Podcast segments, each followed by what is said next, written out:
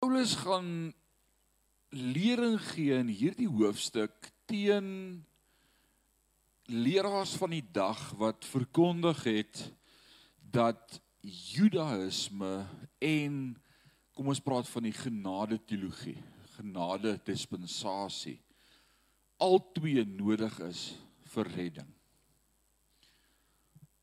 Ons gaan vanaand bietjie in diepte daarin delf. Hierdie hoofstuk is eintlik een van die hoofstukke wat Paulus vir ons skryf uh wat wat daarmee delf uh so hy praat oor valse leraars. Uh selfs kritisie is mislei deur ek bedoel oralster in ons dag kry ons experts op die gebied van vervalsing. Wie van julle is goed met vervalsing? Niemand gaan 'n hand opsteek nie. Alraai. Ons leef in die era aan die dag wat jy wonder as jy iets in jou hand vat, is dit nou genuine of is dit vals? En ek dink elkeen van ons het al iets in sy hand gehad wat 'n dat was. Dis 'n dis nie die genuine een nie. Maar net as jy die ware Jakob ken en jy kry hierdie valse een in jou hand, weet jy dadelik, uh uh. Wie van julle het al 'n vals noot gehad? Praat nou nie van wat 'n noot soos geld noot, nou As jy daai noot voel in jou hand, dan voel jy sommer, uh, uh, hierdie is is fake. Is nie regtig nie. In die in die in die kuns in die kunste, in die gallerye het ons hoeveel portrette, mooi pragtige skilderye wat afdrukke is. Dis nie die genuine nie, nie. Wie van julle het almal 'n Porsche? Het jy 'n afdruk? Ek het ook 'n afdruk. Hmm.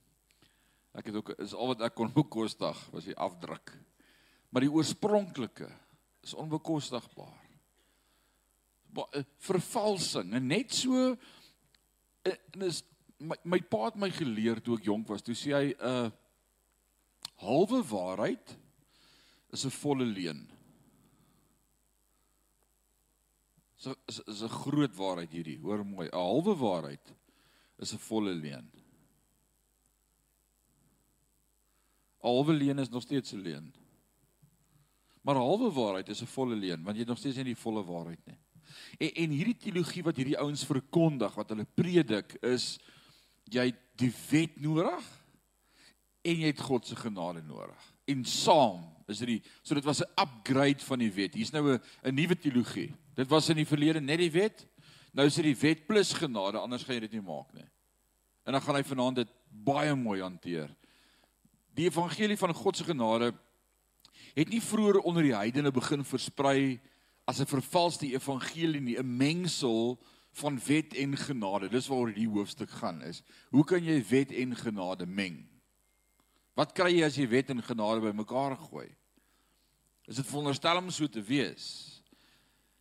Alraai, so kom ons praat daaroor vanaand. Hulle hulle groot klem was dat die verlosser deur geloof dat verlossing deur geloof in Christus plus die bewaring van die wet was en ons gaan dit ook sien in Handelinge 15 vers 1 uh gaan ons daarna kyk so Paulus het na hierdie valse leraars gekyk as verdraaiers van die woord van God in hoofstuk 2 vers 17 het ons dit gesien uh Hy het hulle bedrieglike metodes verwerp om die Bybel te onderrig in hoofstuk 4 vers 2 en hulle neiging verag om te spog met hul bekeerlinge. Dit was nog hulle uh die norm van die dag gewees is om te spot te spog met hoeveel bekeerlinge hulle het. En een rede waarom die Korintiërs agter was in hul bydra tot die spesifieke offergawe wat Paulus wil kom opneem is omdat hierdie klomp uh Judaeërs. Die ouens wat wat wat die wet weer op die arme Christene wou lê, hulle beroof het van hulle finansies. So, hoe het Paulus se leerstellings en praktyke van hierdie wettiese valse onderwysers hoe het hy dit weer lê deur die oortreffende heerlikheid van die bediening van die evangelie van genade van God te wys. Hoe weer lê ek hierdie teologie? Daar's net een manier stel God se genade teen toon. Dis genoeg. Jy hoef niks by te voeg nie.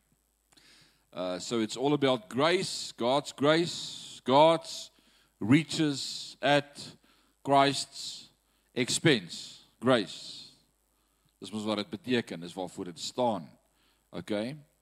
Uh unmerited, undeserved, unearned favor. So dis nie werke nie, dis nie iets wat ek kan doen nie, dis nie iets wat ek kan hou nie. En vanaand gaan ons juis uit hierdie gedeelte uit bietjie delf en die diepe sien. So ons begin met vers 1 tot 3. Daardie eerste 3 verse saam vorm 'n perakoop of een gedagte waaroor ons eers gaan gesels en dit gaan oor die tafels van die hart. Die met, die die wet is geskryf op wat? Op die kliptafels. Alraai. Maar God kom en dan skryf hy nou sy wet op ons hartstafels. Alraai. Party is klipkoppe, maar dis iets anders. 'n Ander dag daarmee deel. Vers 1. Begin ons nou alweer om onsself aan te beveel. Of benodig ons dalk so sommige mense getuigskrifte aan julle van ons. So hy, hy val met die deur in die huis en ons gaan sien uit hierdie teks uit dat van die gebruike was dat hierdie ander predikers rondgegaan het met briewe getuigskrifte 'n hele lys van verwysings CV's waarmee hulle gebrek het van wie almal hulle gechap het en goedkeur. Nou vra Paulus met ons ook moet julle kom met 'n briefie. Wil julle sien wie ons is? Julle tog self ons brief gekry op ons harte, bekend aan die en gelees deur alle mense. Julle toon duidelik dat julle 'n brief van Christus is deur ons diens voorberei en geskryf nie met ink nie maar met die gees van die lewende God nie op kliptafels nie maar op die tafels van mense harte. Dis dit is 'n mooi stuk. Dis iets wat ons moet onthou.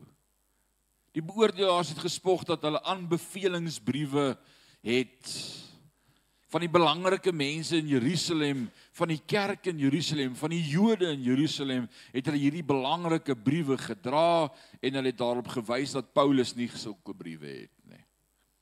So iewers het hulle in Korintiërs begin stuur. Ken jy mense wat stuur? Koop vir my houtlepel as hy verjaar, nê. Stuurer. Hy stuur net die hele tyd. Ken jy sulke ouens? Ek hoop nie julle is stuurers nie.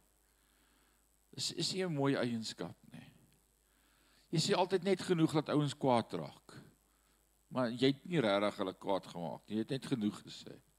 Stuur.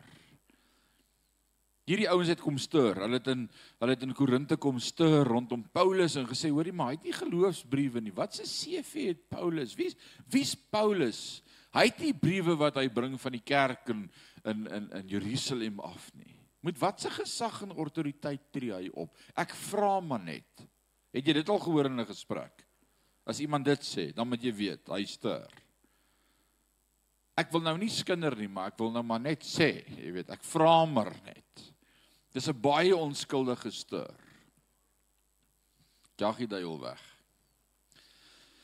Daar's dis 'n hartseer ding as iemand sy waarde meet deur wat mense oor hom te sê het in plaas van wat God oor jou sê.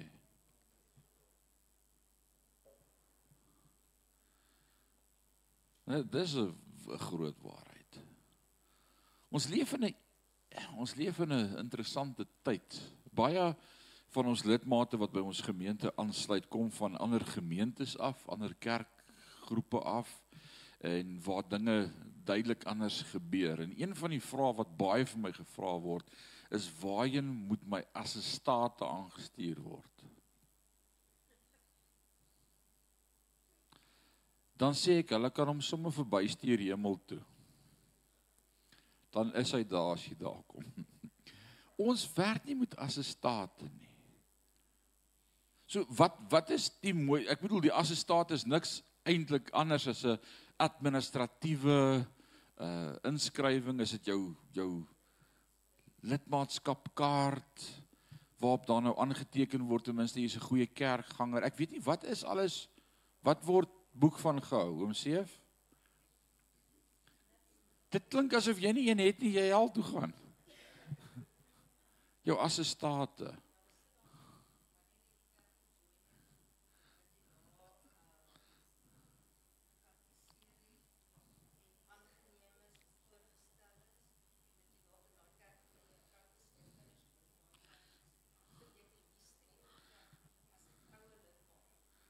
OK. Dis 'n is 'n verwysing dat jy 'n getroue lidmaat was by die kerk. Interessant. En ek dink elke gemeente se standaard verskil. Maar iemand het nou eendag vir my gesê, "Hoekom werk julle nie met assistate nie? Wil jy dit nie hê nie?"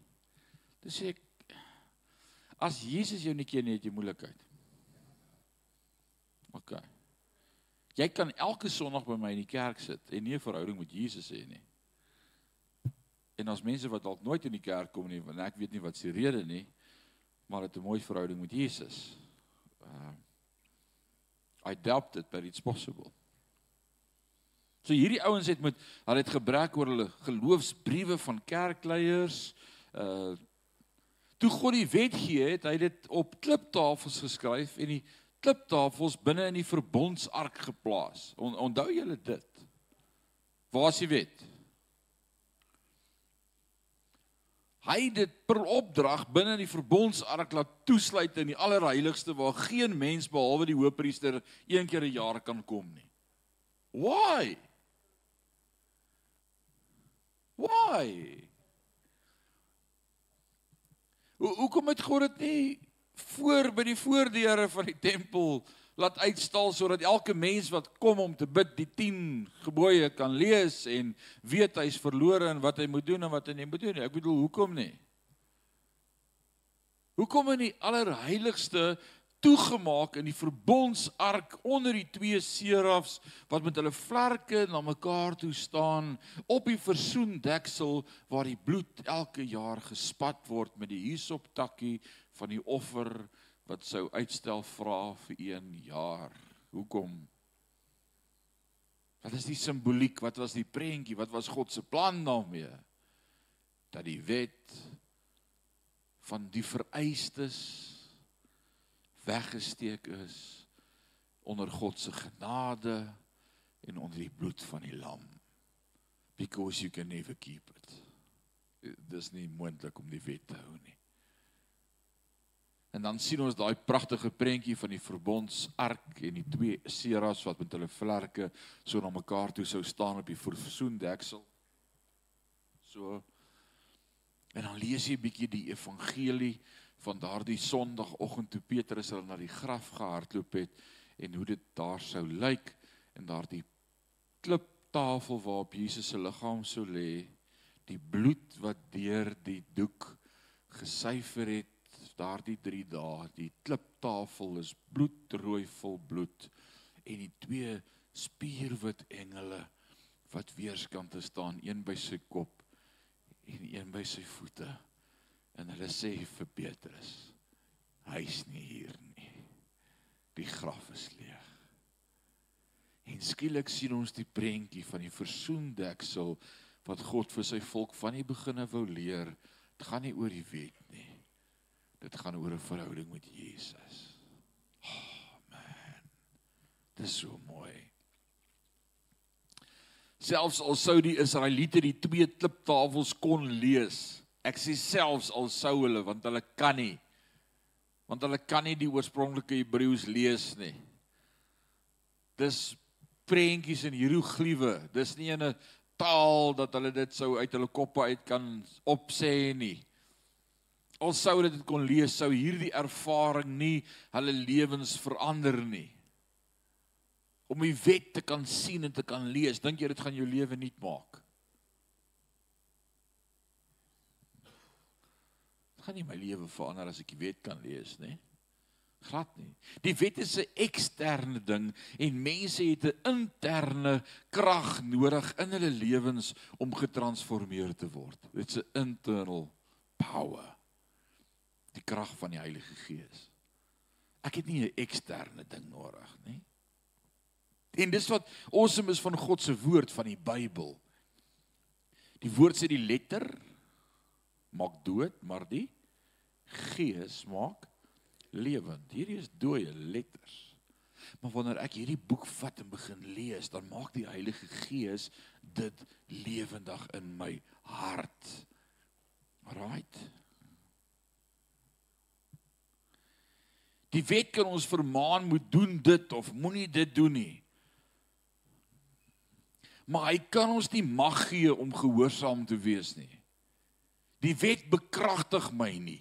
Die wet maak nie van my 'n beter mens as ek daar wegstap na ek die wet gelees het nie. Ek sien 'n beter Jood as ek die wet ken nie. Inteendeel, ek dit meer veroordeel. Ek kan nie die wet hou nie.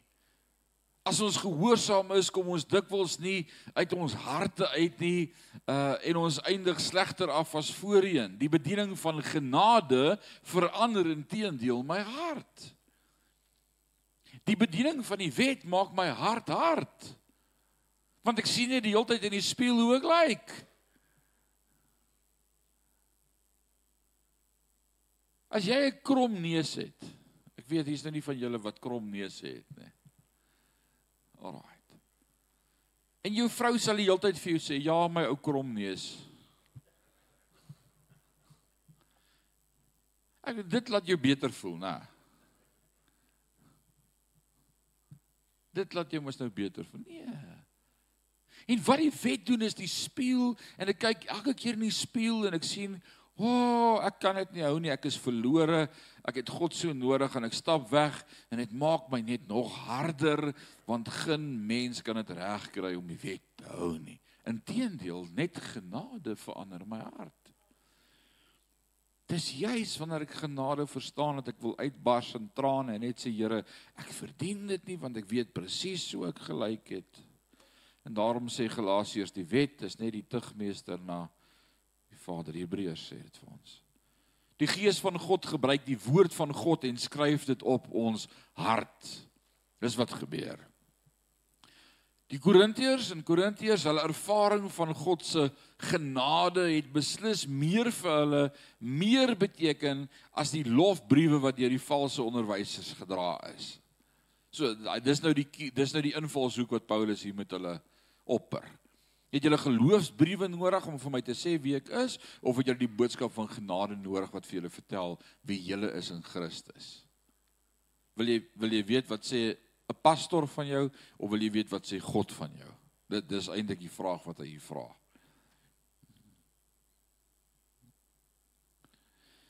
Die Korintiese gelowiges is liefdevol oor Paulus se hart en die gees van God het die waarheid op hulle harte geskryf en hulle lewende briewe van Christus gemaak.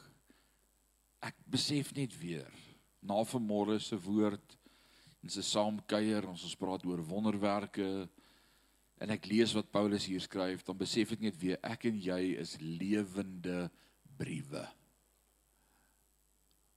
Ons is lewende briewe. Nou is die vraag en soms moet ons dit vir mekaar vra. Eugene, wat lees jy in my brief as jy my lees? Hmm. Wat lees ek in jou brief as ek jou lewe dophou? Wat lees ons in mekaar se briewe? Wat lees die wêreld in my brief? sien hulle God liefde, genade, ontferming, vrug van die gees, wedergebore, uitverkoop aan die Here of sien hulle grumpy, mislik, los my uit. Ons is briewe. Ons is briewe. En die gelowiges wat geduldig deur die gees van God aanhou predik, moet die resultate en dit wat gebeur by die Here los. Dis God wat dit bewerk en hoe tragies dat die Korintiërs die spoggerige beoordelaars geword het en die hart gebreek het van die man wat eintlik vir hulle kom leer het dat hulle vry is van die wet en die oordeel. Paulus kom leer hulle is vry van die wet. Hulle wil terug na die wet toe. Vers 4 tot 6. Kom ons lees dit saam. Dit is die vertroue wat ons op God stel. Deur die bemiddeling van Christus. Nie dat ons op eie houtjie iets kan bedink asof dit ons eie breinkind is nie. Is dit nie mooi gesê nie? Is ons asof dit jou eie gedagte was nie. Ons bekwaamheid kom van God. Wat ons bekwaam gemaak het om as bedienaars van die nuwe verbond. Sê saam met my nuwe verbond. So God het ons bekwaam gemaak om as bedienaars van die nuwe verbond op te tree, nie met die wet as inhoud nie, maar met die gees as inhoud. So die nuwe verbond sê Paulus sommer pront uit is nie die inhoud van die wet nie, maar die Heilige Gees. Want die letter maak dood, maar die Gees maak lewend. Nou jy kan dit nou nie beter kry as wat hy dit nou hier stel nie. Paulus was vinnig om eer aan God te gee en nie aan homself nie. Hy sê dis God wat ons bekwam maak. Sy vertroue of sy roem was in God en sy voldoenheid het van God gekom. Paulus was 'n briljante en goed opgeleide op uh, opgeleide man en tog was hy nie afhanklik van sy eie toerekendheid nie. Hy was afhanklik van God. Hy het nie een oomblik geroem in sy kwalifikasies of in sy kennis of in hoe slim hy is of wat hy geleer het nie. Hy sê wat ek het kom van God af. Die wettiese het natuurlik aan mense gesê dat niemand die wet kan gehoorsaam en geestelik kan wees nie. Die legalistiese bediening het 'n manier om die ego van mense altyd op te blaas. As jy die genade van God beklemtoon, moet jy mense sê dat hulle verlore sondaars is wat hulle self nie kan red nie. So hier kom dit. Wat is die manier hoe jy 'n sondaar help om tot bekering te kom? Hoe kan jy 'n sondaar help om tot bekering te kom? Ben, wat sê jy?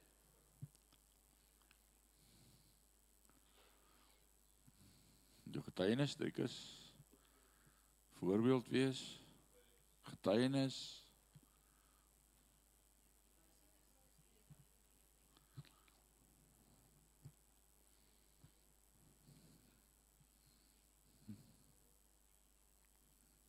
Jy kan nie jouself red nie.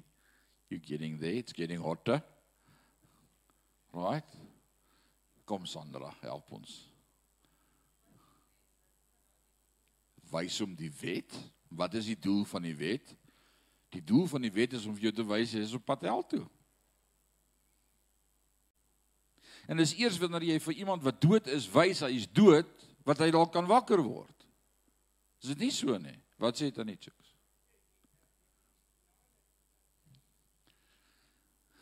Hoe sê ek vir iemand daar's medisyne vir jou siekte as hy nie weet hy siek nie?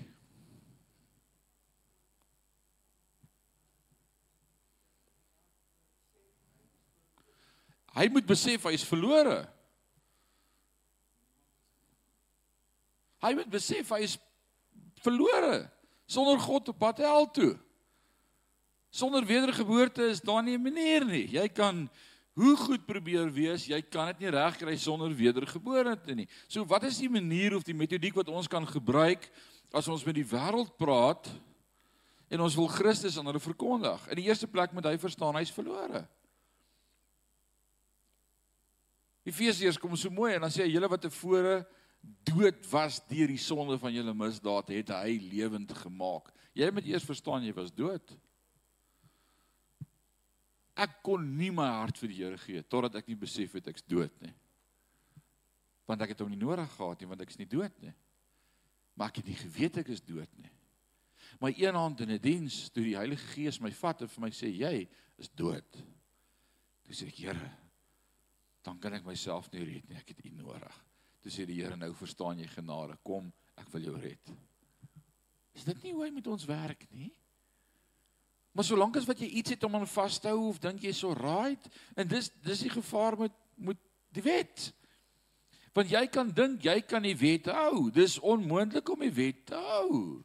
Nie hoor ek so sê nie, dis wat die woord sê. Wie van julle kry reg om die wet te hou? As jy nou jou hand gaan opsteek, gaan jy dalk die wet breek. Want die wet sê jy mag nie valse getuienis aflê nie. Dis onmoontlik. Dis net onmoontlik. So wat was die doel van die wet? Die wet was daar om vir my te wys, hey, jy het God nodig. Nou kom Jesus op die toneel. Dis vir my so awesome. Jesus se heel eerste preek, Matteus 5. Ons doen dit in ons Bybel die bergpredikasie. Ek sê in my Bybel die koninkrykskonstitusie. Dis die aankondiging van die nuwe koninkryk en dis die konstitusie vir hoe hierdie koninkryk lyk en as jy wil deel wees van hierdie koninkryk wat in jou lewe moet gebeur. En dan kom Jesus op die toneel en hy preek en hy wat sê hy vir hulle? Hy sê die wet sê jy mag nie eg breek nie. En al daai fariseërs wat daar staan kyk vir mekaar en smile en sê, "Hm, ons het nie eg gebreek nie."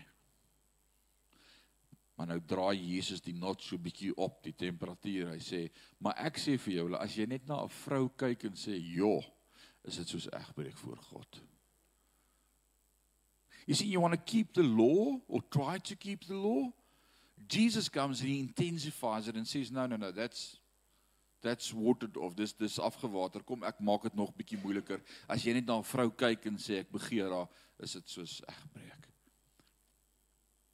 Jy mag nie jou broer doodslaan nie. Hulle kyk mekaar en sê ons het gelukkig nog nie ons laat moord pleeg. Ons doen dit nie self nie. Soos die maffia. Nou, maak nie hulle eie hande vuil nie. Jesus sê, kom ek sê vir julle, as jy net vir jou broer kwaad is, is dit soos moord voor God. OK, laat ek net die hande sien. Wie was nog nooit vir sy broer kwaad nie? soos moord, julle klomp moordenaars. Julle is almal moordenaars. Wat sê Jesus? So wat was die doel van die bergpredikasie? Wat was die doel van die wet? 'n Bewustheid van my verlorenheid. So so wat moes gebeur? Wat kom Jesus doen as hy die bergpredikasie kom preek? Want want baie mense sê vir my, "Ooh, ek leef volgens die reëls van die bergpredikasie." Dan sê ek, "Twak, jy kan nie." Want dit was juist die doel van die bergpredikasie, is dat Jesus vir ons kom sê het, "Jy kan nie." En asof daar nog een Jood kon wees wat toe nog kon opstaan en sê ek is nog oukei, okay, sê Jesus die volgende in vers 42 van hoofstuk 5. Hy sê: "Wees dan heilig want God is heilig. Nou kyk as jy dan nog op jou voete kon staan na daai preek en sê nee wat ek gaan hemel toe. Dan is jy wragtig goed. So die doel van Jesus se prediking was sodat almal sou sê nou wie kan dan gered word? Wie gaan dit dan kan maak? Ons het 'n Messias nodig. En dan sê hy hier is ek. Dis hoekom ek gekom het. Maar hulle wou hom doodmaak. Hulle het hom nie nodig nie. Hy preek snaaks. Die Jode was baie slim, veral die Fariseërs. Die die Ou Testament kom met die Levitiese reëls en regulasies veral rondom die die priesterskap en die Fariseërs en die skrifgeleerdes. Uh, die wet het klein klomp fyn skrif dingetjies wat uh daar's honderde wette en verordeninge en reëls, honderde.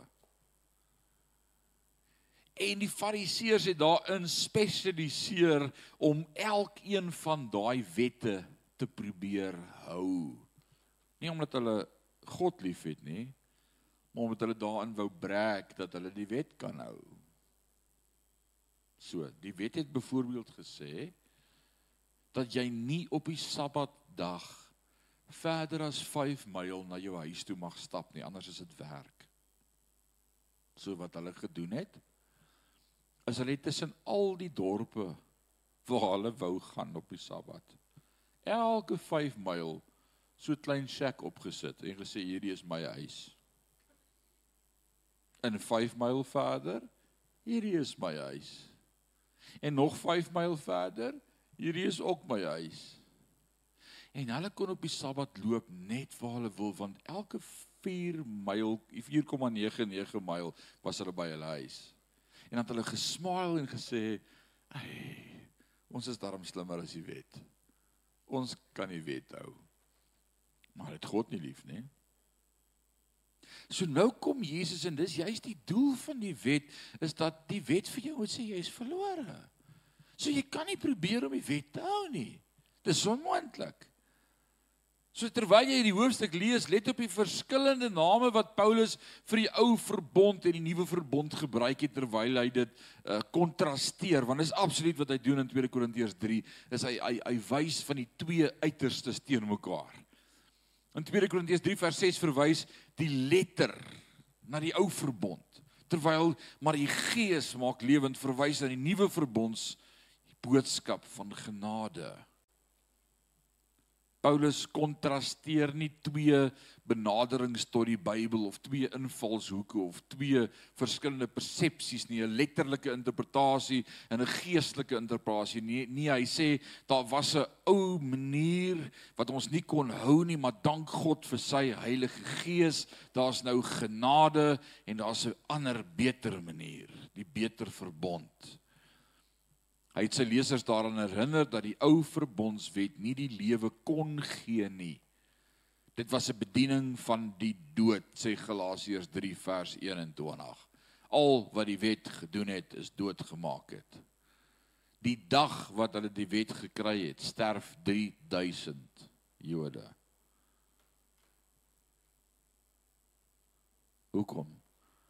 Want God se wet is heilig. En God se wet wys vir jou jy's nie right nie. Jy het issues.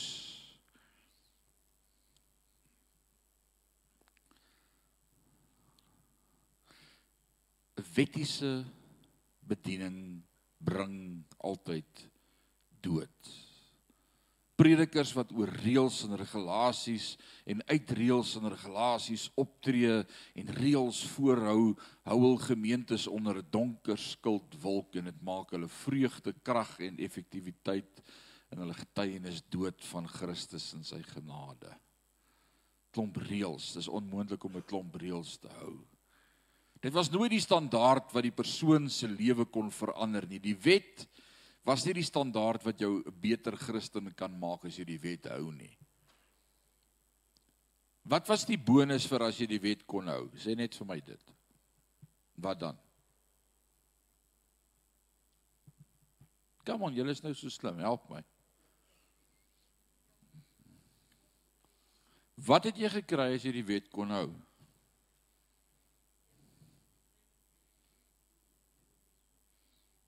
Jy al daaroor gedink? Sien jy hoe men dink ons oor die Bybel? Ons traai, traai, traai. En dan as jy hom nou kry, nou wat nou? As jy nou die wet kan hou, wat? Maak dit jou 'n beter kind van God? Maak dit jou wedergebore? Vul dit jou met die Heilige Gees? Dit was 'n ou bedeling, dit was 'n wet wat die mense gewys het na God sodat hulle hom sou soek en repent en voor hom lê en sê Here ons het redding nodig. En dan sê hy maar hier's my seun die Messias die genade. En in 'n verhouding met hom gee ek vir jou die Heilige Gees as onderpand om vir jou te sê jy gaan dit maak en ek doop jou met die Heilige Gees en ek smet jou al die dae van jou lewe. Jy kan dit nie maak nie. Ja ons verstaan dit nie. Slegs die genade van God wat deur die gees van God bedien word kon verlore sondaars omskep in lewende sentbriewe wat Jesus Christus verheerlik. Slegs die genade van God.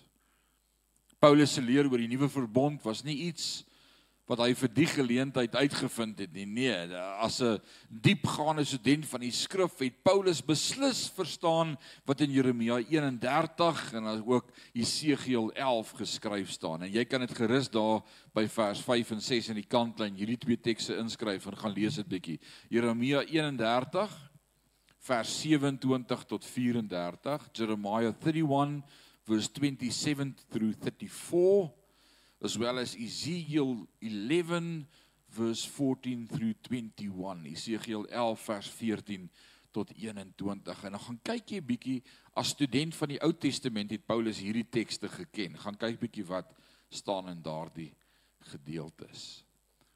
In die Nuwe Testament is Hebreërs 8 tot 10 die belangrike om te weet en te verstaan. Die ou verbondswet met die klem op eksterne gehoorsaamheid was voorbereiding op die nuwe verbondsboodskap van genade en die klem op interne transformasie van die hart. Dis waaroor dit gegaan het. 'n Transformasie van die hart. Nou kom ons doen vers 7 tot 11. En dit gaan oor die toenemende heerlikheid. Die ou heerlikheid teenoor die nuwe heerlikheid.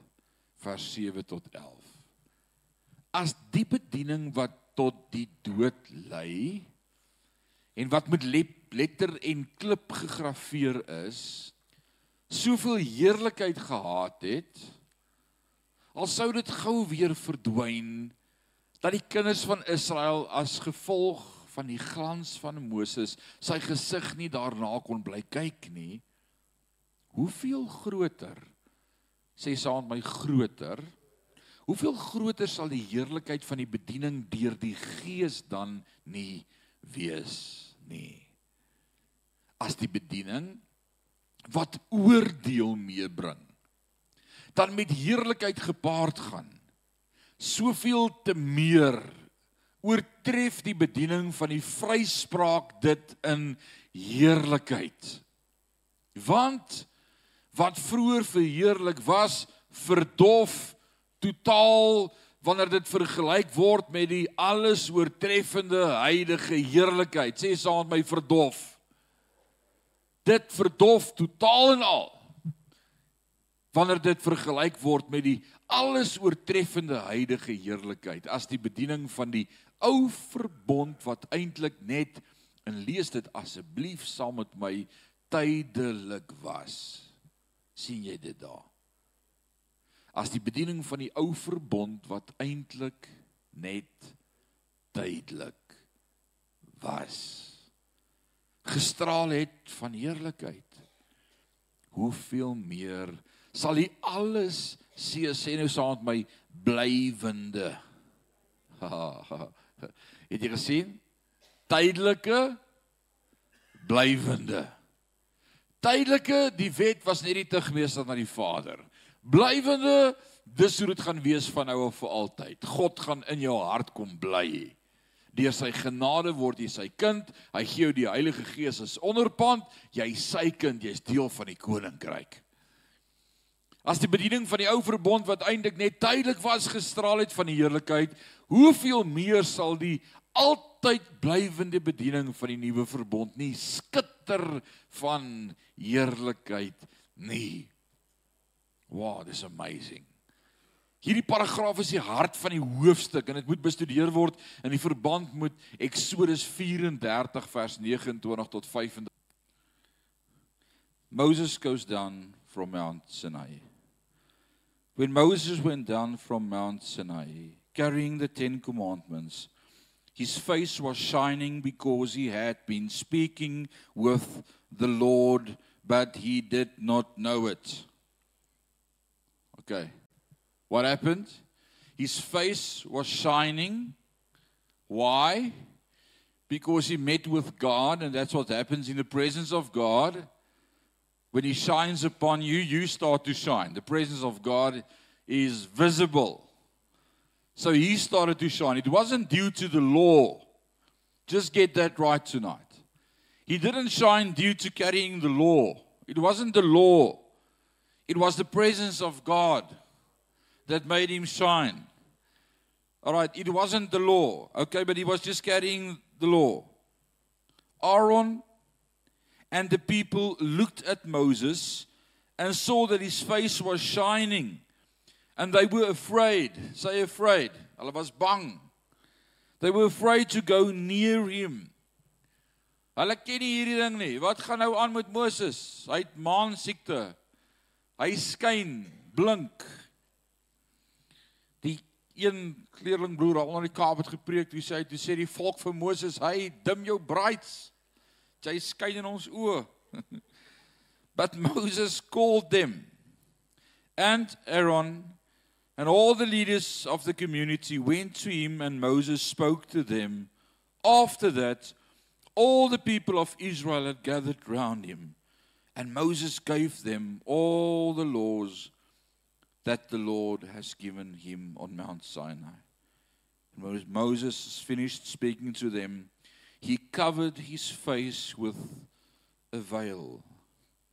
Hulle sê asseblief Moses, ons kan nie in jou oë kyk nie. En hier lees ons nou van 'n veil. Wat is die Afrikaans vir 'n veil? 'n Sluier. Alraight, 'n sluier. Whenever Moses went into the tent of the Lord's presence to speak to the Lord, he took the veil off.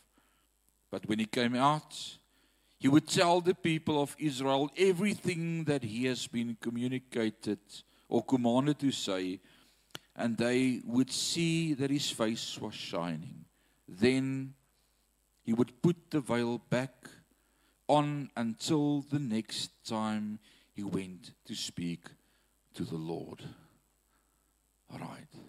Dis 'n interessante gedeelte. Maar nou gaan ons net verder sien as ons vanaand verder lees in 2 2 Korintiërs 3 dat daar 'n stadium gekom het wat Moses agtergekom het, hy blink nie meer so baie nie. Die blink gaan weg.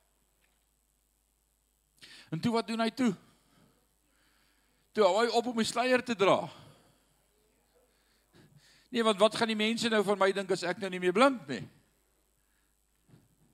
En jy geweet dis waar die term vandaan kom wat ons gebruik van skyn heilig. Dis presies waar dit vandaan kom. Ek lyk heilig. I pretend. Ek sit die veil op sodat jy nie kan sien hier agter is eintlik boggerol nie. En as ek die veil op het dan sê almal, "Ooh, Moses is daar 'n heilige ou." Maar ek gee voor want hier agter weet ek hier's niks. Nou dis die prentjie wat Paulus gebruik om die wet te verduidelik. Hy sê dit het geblink en dit het gelyk asof dit awesome is, maar dit was die bediening van die dood. Dit het eintlik net vir die volk om sê jy kan dit nie maak nie, daar's nie hoop vir julle nie. Kom ons lees verder. Paulus het nie die heerlikheid van die ou verbondswet ontken nie, want in die gee van die wet en die handhawing van die tabernakel en tempeldienste was daar beslis heerlikheid. Daar was heerlikheid in die tent van samekoms gewees. Dit was daar. Ons het dit nou net gelees. Wat hy egter bevestig het, was dat die glorie van die nuwe verbond van genade baie beter was en dat hy verskeie redes gegee het om sy bevestiging te ondersteun. Vers 7 en 8 sê vir ons die glorie van die nuwe verbond beteken geestelike lewe en nie dood nie. Wat wat die wat het die wet beteken? Dit was die bediening van die sê dood. Maar genade sê lewe. Nou hier kom 'n paar interessante goed wat ek vanaand vir jou gou-gou wil uitwys. Toe Moses van die berg afklim nadat hy met God gesels het, het sy gesig met die heerlikheid van God geskyn. Dit was 'n deel van die glorie van die gee van die wet en dit het die mense beslis beïndruk. Dit was baie nice. Paulus het toe van die mindere tot die groter aangevoer as daar heerlikheid was in die gee van die wet wat dood gebring het hoeveel meer is daar in die bediening van die lewe die bediening van genade in die brief van die Galasiërs het Paulus die tekortkominge van die wet uitgewys en ek wil vanaand vlugtig aan hierdie volgende 6 punte aandag gee in die eerste plek help my die wet kan nie verlore sondaars regverdig nie. True of false? I make the statement, you say true or false. Die wet kan nie verlore sondaars regverdig nie. So. That's sad. Tweede een. Die wet kan nie sondaars geregtigheid gee nie.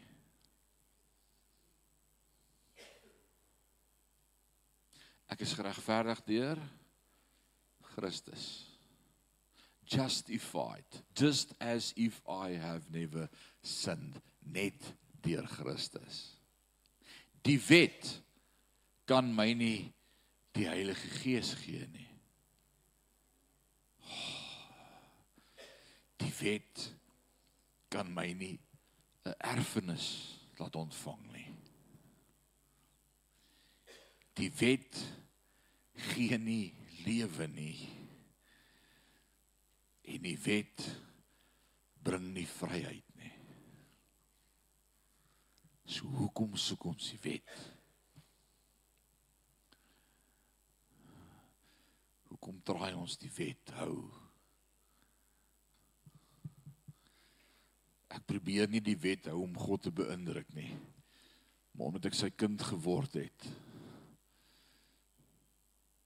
is deel van die wet outomaties deel van my lewe. Ek wil nie my naaste se vrou vat nie. Ek wil nie lieg nie. Ek wil nie doodslaan nie. Ek wil nie valse getuienis aflê nie. Ek wil God se dag hou en hom eer. Ek soek God in alles wat ek doen. Ek laat nie sy naam uitelik oor my lippe kom nie. Ek verheerlik hom in alles wat hy doen. Ek ek is uitverkoop aan God. Hy is alles in my lewe, maar is nie oor ek dit doen dat ek gered word nie. Hy het my klaar gered deur genade. Oh man. Die wet lewer veroordeling en is die spieël wat onthul hoe vuil ons gesigte rarig is. Maar ons kan nie ons gesigte in die spieël was nie.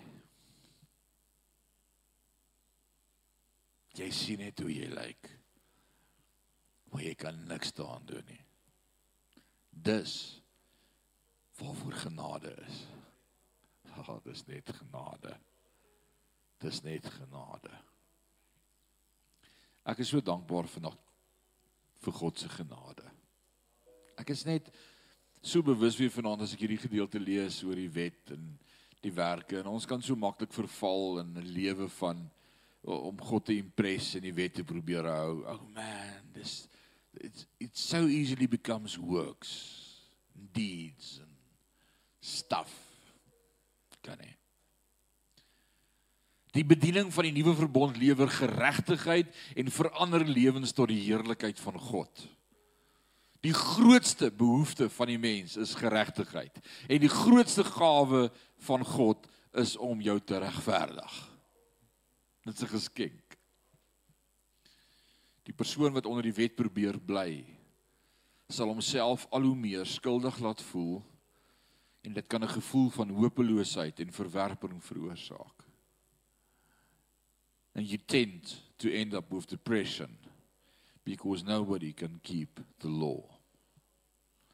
And all it does is it shows you you're not worth it. You can't do it Dit is wanneer ons Christus vertrou en deur geloof in God se genade leef dat ons aanvaarding en vreugde ervaar. 2 Korintiërs 3 vers 10 lei dat die wet regtig sy glorie verloor het in vergelyking met die oortollige heerlikheid van die bediening van God se genade. Daar is eenvoudig nie vergelyking tussen die bediening van die wet en die bediening van genade nie hartseer om te sê daar is sommige mense wat nie geestelik kan voel terwyl hulle die gewig van skuld dra nie. En dis wat die wet doen. Die wet lewer skuld en veroordeling. Dis wat die wet doen. Die glorie van die nuwe verbond is permanent waar die ou verbond tydelik was. Ah.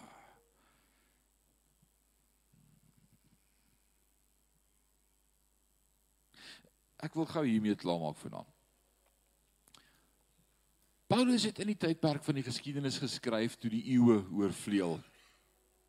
In die oorgang van die eeue skryf Paulus Die nuwe verbond van genade begin nou. Hy hy produk, hy proklameer dit, hy verkondig dit, hy hy bring dit. Maar die tempeldiens was steeds voorgesit en die volk Israel het steeds onder die wet aanhou operate in Jerusalem. Paulus verkondig genade, hy verkondig Christus, maar daar's nog steeds Judaïsme, daar's nog steeds die tempel, daar's nog steeds offers, daar's nog steeds die wet en is amper asof Paulus in sy bediening hierdie swaarde kruis met hierdie stelsel van die wet. Die tempel. Ons lees dit in die Hebreërsboek, dis waaroor die Hebreërsboek gaan oor jong Joodse manne wat tot Christus bekeer het en nou het hulle sonde gedoen en hulle weet nie wat om te doen met hulle sonde nie want toe hulle Jode was moes hulle weer gaan offer het. Nou wil hulle weer by die begin begin nou vra hulle weer kan ons ons harte weer vir die Here gee en weer wedergeboorte te beleef en ervaar? En die Hebreërskrywer sê dis onmoontlik as jy eenmal voor begin het om weer voor te begin. Jy moet verstaan as jy kind van God is jy kind van God. Jy kan nie weer voor begin nie jy's klaar sy kind. Jy's 'n stoute kind jy kort 'n pak slaag Maar jy kan nie weer God se kind word nie, jy is slaag God se kind. Daarom sê in Hebreërs 10 vers 25 moet jy die onderlinge afskeep soos wat sommige die gewoonte het nie, maar vermaan mekaar en dit is te meer normaal dat die dag van God sien nader kom. Vers 26 sê want as ons dan nou opsetlik aanhou met sondig nadat ons tot die kennis van die waarheid gekom het, bly daar geen offer meer oor nie. Daar's nie 'n ander offer nie. Wat moet ons nou weer vir Jesus aan die kruis vasspyker? He paid it all. Hy het gesê tetelestai is volbring, is klaar, is genoeg. Daar's nie nog 'n offer nie. In 70 na Christus kom die profesie van Jesus in Matteus 22 in vervulling as Jesus in Matteus 22 vir hulle die gelykenis vertel en sê daar was enige koning wat 'n bruilof gehou het vir sy seun en hy het al die genooide gaste laat kom en gesê kom die tyd is hier. En toe het hulle verskonings. Hulle het allerlei stories. Die een sê ek het nuwe osse gekoop, ek gaan eers bietjie ploeg, baie dankie. Die ander een sê ek het 'n vrou getrou, ek gaan eers op honeymoon. Die ander een sê ek het 'n nuwe huis gekoop, ek gaan eers kyk hoe die huis lyk. Dis klomp ondenkbare verskonings vir hoekom nie om na 'n bruilof te kom nie. En dan sê die koning, hy het 'n volgende groep uitgestuur. Maar hierdie gaste het nou onbeskof geraak. Hulle het hierdie klomp diensnegte wat hy uitgestuur het om die lewe gebring, doodgemaak. Jesus, dit is ondenkbaar. Die draers van goeie nuus word doodgemaak. En dan die koning kwaad geword. En die koning sê nou het ek genoeg gehad. Ek gaan hierdie ouens se stad afbrand. I had it with them. Nou gaan ek nuwe ouens uitstuur, maar hulle gaan na die ongenooides toe. Hulle gaan nou al die paaie verby en hulle gaan almal nooi wat hulle in die hande kry om te kom na hierdie fees. It's amazing. En dan word hierdie saal vol mense en dan sien ons hoe die Vader inkom. Nou een ding wat jy moet verstaan as jy 'n koning jou uitgenooi het na sy seun se bruilof, dan sou jy as jy by die deur kom 'n bruilofskleed kry om aan te trek almal is beklee met 'n bruilofskleed. Almal het dieselfde gelyk. Because it's not about you, it's about the king. He invited you for his feast. So he will clothe you in his righteousness. And so we are clothed in his righteousness. Jesus Christ is my righteousness. In die Ou Testament kom die profeet en dan sê hy julle beste werke is soos 'n wegwerplike kleed vir my. It's like a dirty ragged rag wat ek wil weggooi en soos dis jou beste werke is op sy slegste. Maar Christus klee ons met sy genade. So ek ek ek hoor baie keer mense sê jy moet jou bruilofskleed skoon hou en jy weet al moet nie vlekkies op hom wees nie. O, ek so bly ek kan nie. Ek mos vreeslik. Maar hy het my geklee met sy genade. Dis nie my kleed is. It's all about him. It's all about him. It's his grace and his honor. And it's because he loved me, not because of who I am, but because of who he is. Uh, Dis net so amazing. Ek gaan hier oor 'n reeks preek, maar ek wil dit vinnig vir jou noem. Jy moet dit gaan jou nou iets kan blow your way. Soos hang net vas. In Johannes 17, die priesterlike gebed van Jesus vir die volk. OK, nou gaan ek jou dalk skok. Bid Jesus en hy sê ek bid nie net vir die nie wat U my gegee het nie, ek bid ook vir die wat U my gaan gee. Wie's dit? Dis ons, die kerk. Dan sê hy: "Dankie dat nie een wat U my gegee het verlore sal gaan nie." Nee nee. OK, nou jy kan dit lees en mis. Hier is die stelling wat ek wil maak. As jou beste beste werke jou nie kan red nie. Kan jou beste werke jou red, Eugene? Kan jy enigiets doen om God te impress om jou te red? Nothing. Okay. Hier kom dit. As jou beste werke jou nie kan red nie, kan jou slegste, slegste sonde jou nie laat verlore gaan nie. Because it's not about you but because of him and who he is. As jy kon verlore gaan, sou die duiwel vir Jesus kon sê, sien, jy wou Eugene red, maar jy kon nie. Jy kon dit nie regkry nie. Maar Jesus sê, ek red Eugene ter te wille van al sy sonde en te midde van alles wat hy het, red ek hom. Duiwel, ek red hom want dit gaan oor my, nie oor Eugene nie. Beware, ek het hom gered. It's about his grace and his honor and his glory. So stop trying to impress God by works and thank him for his grace. Nou gebeur hier 'n interessante ding in 70 na Christus. 70 na Christus val die Romeinse soldate Jerusalem binne. Dit was 'n Paasnaweek.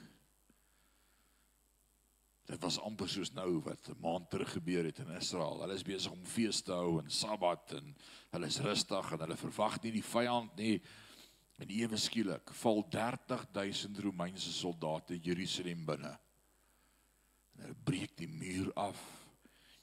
En hulle steek die stad aan die brand en die profesie van Jesus toe hy op aarde was in 30 na Christus kom 40 jaar later in 70 na Christus in vervulling.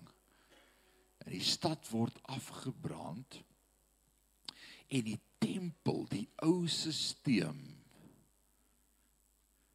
word afgebrand en die goud smelt en die goud loop in die fondamente in van die tempel van Salomo en hierdie robbers breek die tempel af dat daar nie een steen op 'n ander steen agterbly nie om by daai goud uit te kom wat hier afgeloop het in die fondamente in en hulle breek die tempel af en in een oomblik in een naweek Nou Flavius Josephus die geskiedskrywer die Jood wat vir ons 'n bietjie geskiedenis opskryf sit in sy dik boek sê hy om en by half miljoen Jode sterf daai naweek in Jerusalem. Die bloed het so net so bo kan die knie in die strate geloop want hulle is teegies kan nêrens heen gaan nie. En God breek die stelsel van die wet af. Hy sê I had it. Ek het genoeg gehad dat julle vir 40 jaar aanhou probeer het om nog steeds op julle eie redding te bewerk. Nooit weer nie. I had it. Julle sal nie weer offer nie.